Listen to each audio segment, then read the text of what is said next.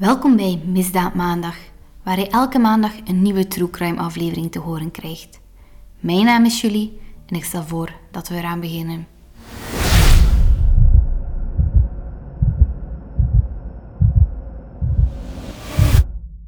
Daar sta je dan.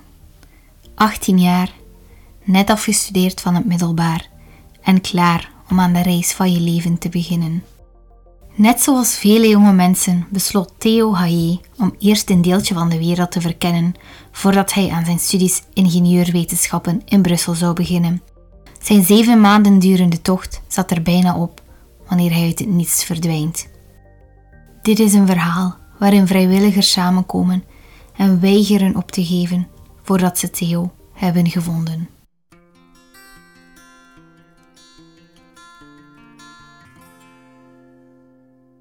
Op 12 november 2018 landt de 18-jarige Theo Haye in Melbourne om aan zijn avontuur in Australië te beginnen. Zijn eerste stop is bij GP, een familievriend, maar ook de Peter van Theo. Hij verblijft iets langer dan een maand bij het gezin van GP in Otways. De maanden daarna maakt Theo verschillende roadtrips door Australië. In sommige steden blijft hij een paar dagen terwijl hij in andere een langere periode blijft om er ook te werken. Op 25 mei bezoekt hij zijn neef en nicht Lisa en Michael in Brisbane. Hij blijft droog slapen. De dag nadien, op 26 mei, neemt Theo de bus naar de Gold Coast. Het is woensdag 29 mei wanneer Theo de spontane beslissing neemt om naar het Australische kuststadje Byron Bay te gaan. Niemand wist van dit plan en achteraf gezien vindt zijn familie dit heel raar. Theo is iemand die alles op voorhand tot in de details plant. De last-minute trip was dus iets zeer ongewoon. Eenmaal aangekomen in Byron Bay, checkt hij zich om 2.30 uur middags in, in het wake-up hostel. Zijn plan was om enkele dagen in een stadje te verblijven en om op 3 juni een Greyhound-bus te nemen naar Sydney en van daaruit terug naar België te keren.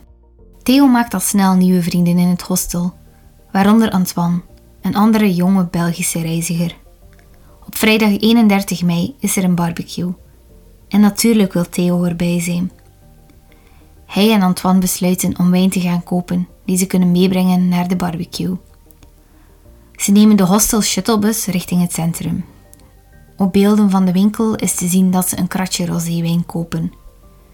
Er is niets vreemd op te merken aan Theo en zijn vriend. Na de barbecue op de hostel besluiten de reizigers om naar Cheeky Monkeys te gaan. Het is een bar in het centrum van Byron Bay die heel gekend is, maar wel een slechte reputatie heeft. In het begin van de jaren 2000 werd de bar als een van de meest gewelddadige van Australië genoemd. Elke inwoner van Byron Bay heeft een sterke mening over Cheeky Monkeys.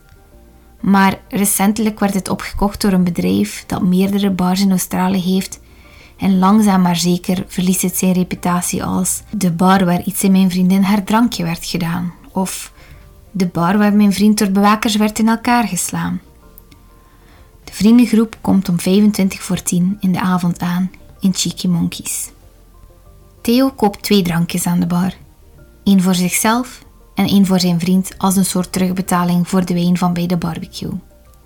Maar kort nadien, rond een uur of elf s avonds, werd door de security aan Theo gevraagd om de bar te verlaten. De security vertelde later dat Theo zeer beleefd was, maar dat hij dronken was. Hierover is er toch wel enige discussie, want er zijn meerdere getuigen die beweren dat Theo helemaal niet dronken was, dat hij zelf zeer weinig had gedronken. Theo was niet agressief of zorgde helemaal niet voor problemen die avond. Er is tot op vandaag nog steeds geen echte reden gevonden waarom aan Theo zou worden gevraagd de bar te verlaten. Wat volgt is de route die Theo heeft genomen van het moment dat hij de bar verlaat tot het moment dat het laatste gsm-signaal is opgevangen. Op mijn Instagram-pagina kan je de map zien die de route uitstippelt die Theo heeft genomen. Ik raad aan om deze te bekijken, want de weg die Theo aflegt om bij zijn hostel te geraken is zeer ongewoon. Om 7 na 11 verlaat Theo dus Cheeky Monkeys. Bewakingscamera's filmen hem wanneer hij de bar verlaat. Het zijn de laatste beelden waarop Theo levend te zien is. Een minuut later stopt hij en typt hij het adres van het hostel in in Google Maps. En daarna blijft hij verder wandelen voor 4 minuten en 40 seconden tot hij aan het sportveld komt. En aan dat sportveld stopt hij 7 minuten lang. Men vermoedt dat Theo hier iemand is tegengekomen. Er is 7 minuten lang namelijk geen enkele gsm-activiteit geregistreerd. Dus onderzoekers gaan ervan uit dat in deze 7 minuten Theo hier met iemand heeft staan praten. Theo hervat zijn tocht en gaat de richting van Tello Beach uit. Uit Google Data blijkt dat Theo niet de Marlin Trek neemt dat recht naar Tello Beach leidt, maar dat hij een ander pad opgaat dat veel slechter is aangelegd. Inwoners van Byron Bay verklaren later dat niemand dit pad neemt. Het is er donker, moeilijk om door te geraken en het is op zich ook gewoon een eng pad.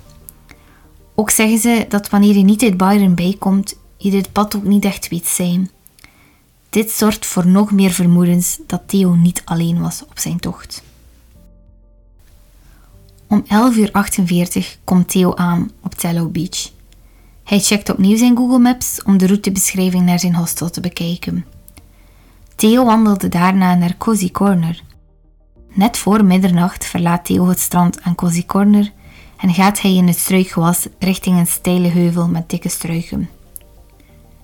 Afgesloten van de buitenwereld door al het gebladerde, stopt Theo voor vijf en een halve minuut.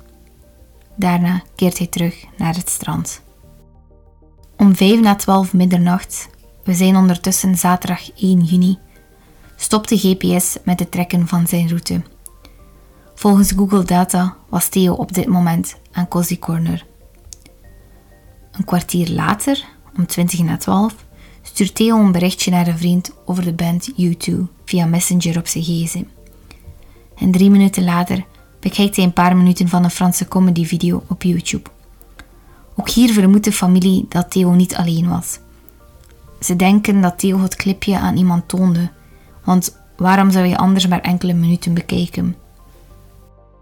Om vijf voor één s'nachts zendt Theo een WhatsApp-berichtje naar zijn stiefzus Emma in België. Het was een antwoord op een berichtje dat Emma eerder had gezonden. Theo zond merci, met emoji. 12 uur 56 s'nachts was het laatste moment dat Theo's WhatsApp activiteit vertoonde. Een van de laatste duidelijke signalen van Theo's gsm wordt gedetecteerd dicht bij Cape Byron om kwart voor twee s'nachts op zaterdag 1 juni.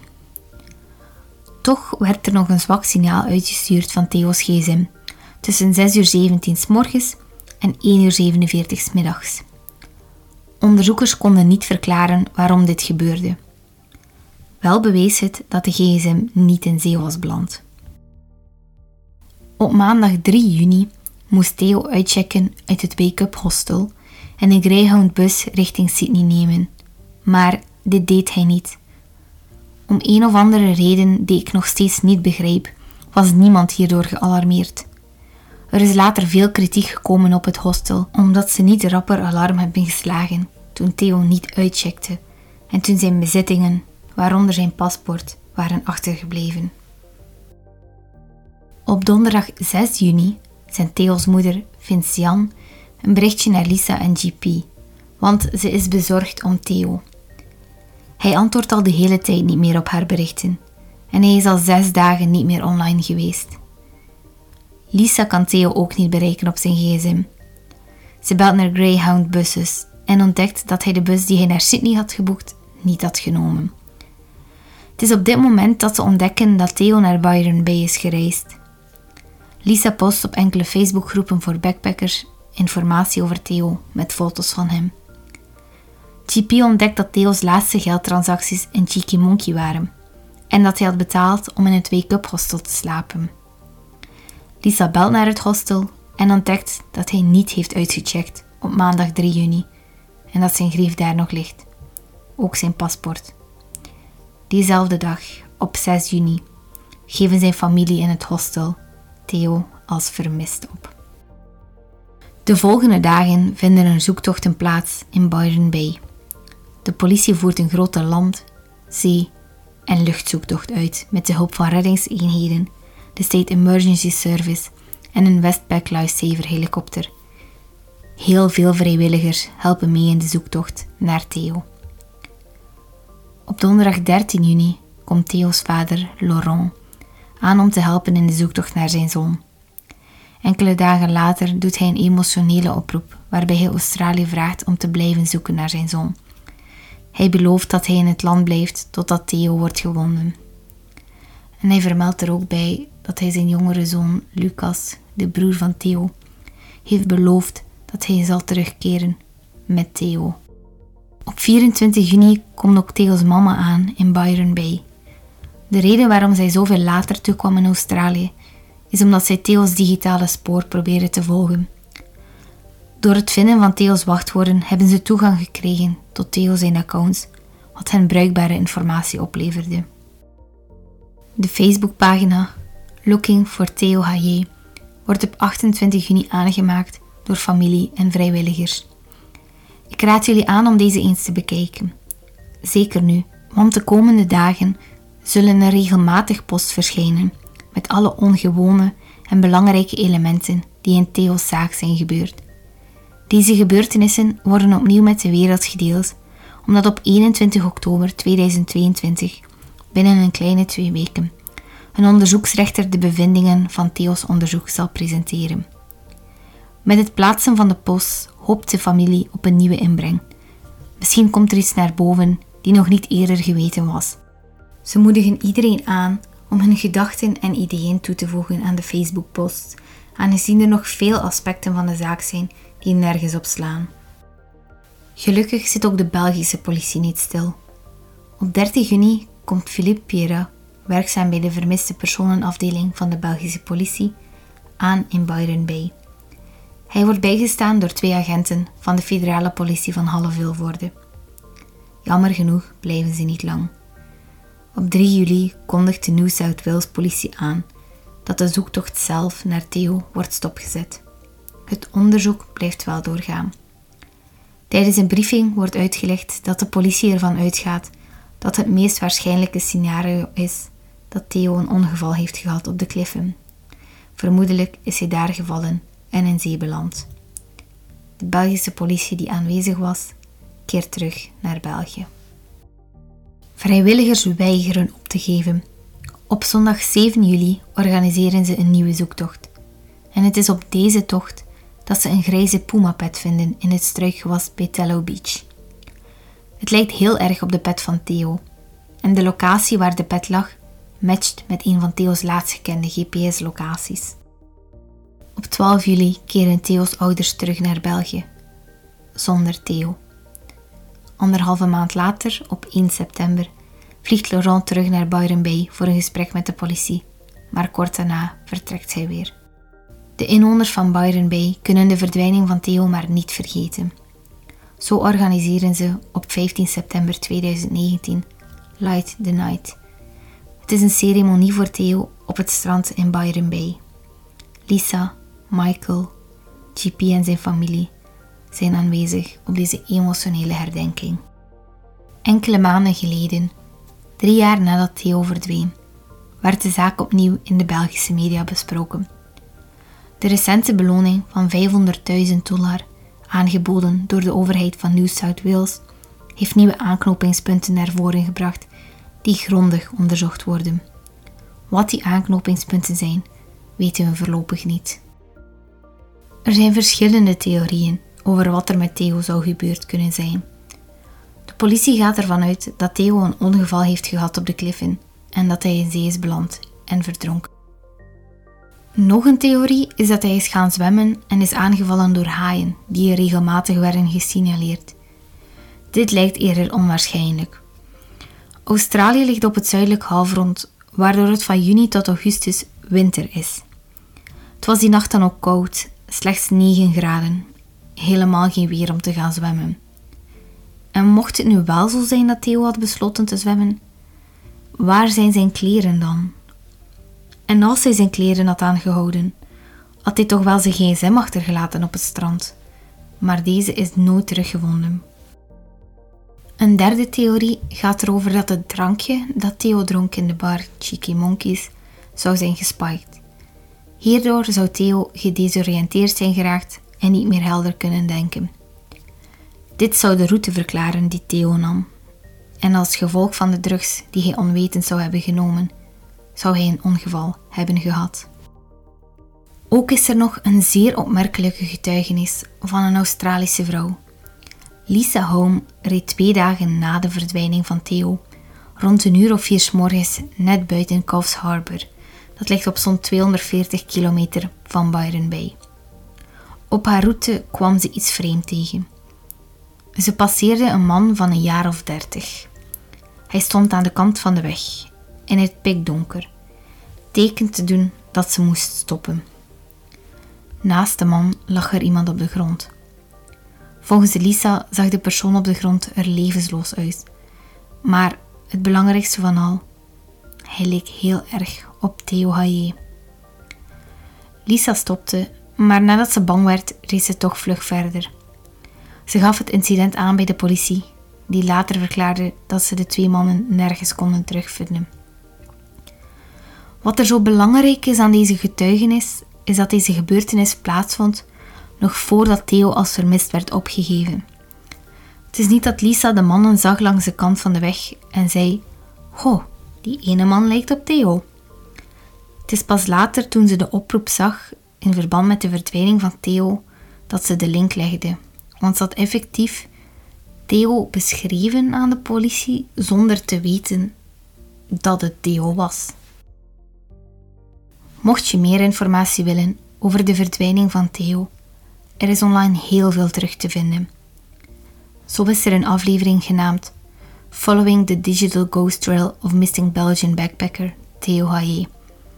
Het maakt deel uit van het programma Under Investigation van 60 Minutes Australia.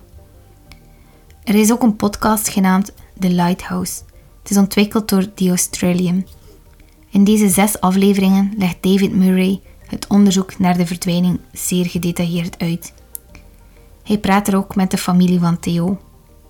Met het maken van die podcast had hij gehoopt op een doorbraak in het onderzoek, maar dat is er jammer genoeg niet van gekomen.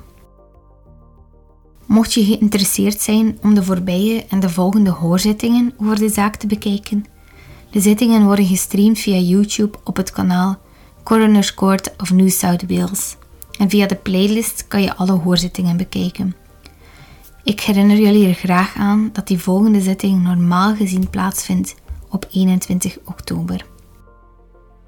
Ik raad ook aan om een kijkje te nemen op de Facebookpagina Looking for Theo Haye en op de website www.lookingfortheo.com. Er zijn natuurlijk nog veel meer bronnen waar je nog informatie uit kan halen, maar ik vond persoonlijk dat deze mij het meeste info hadden gegeven. Tot op vandaag is Theo nog steeds niet teruggevonden. Zijn familie is er kapot van dat ze nog steeds niet weten wat hem is overkomen. Ze verklaren dat zoals alle families van vermiste personen, ze niet naar behoren kunnen rouwen, omdat ze niet weten wat er gebeurd is met hun geliefde. Ik wil deze aflevering van de podcast afsluiten met een oproep om Theo niet te vergeten.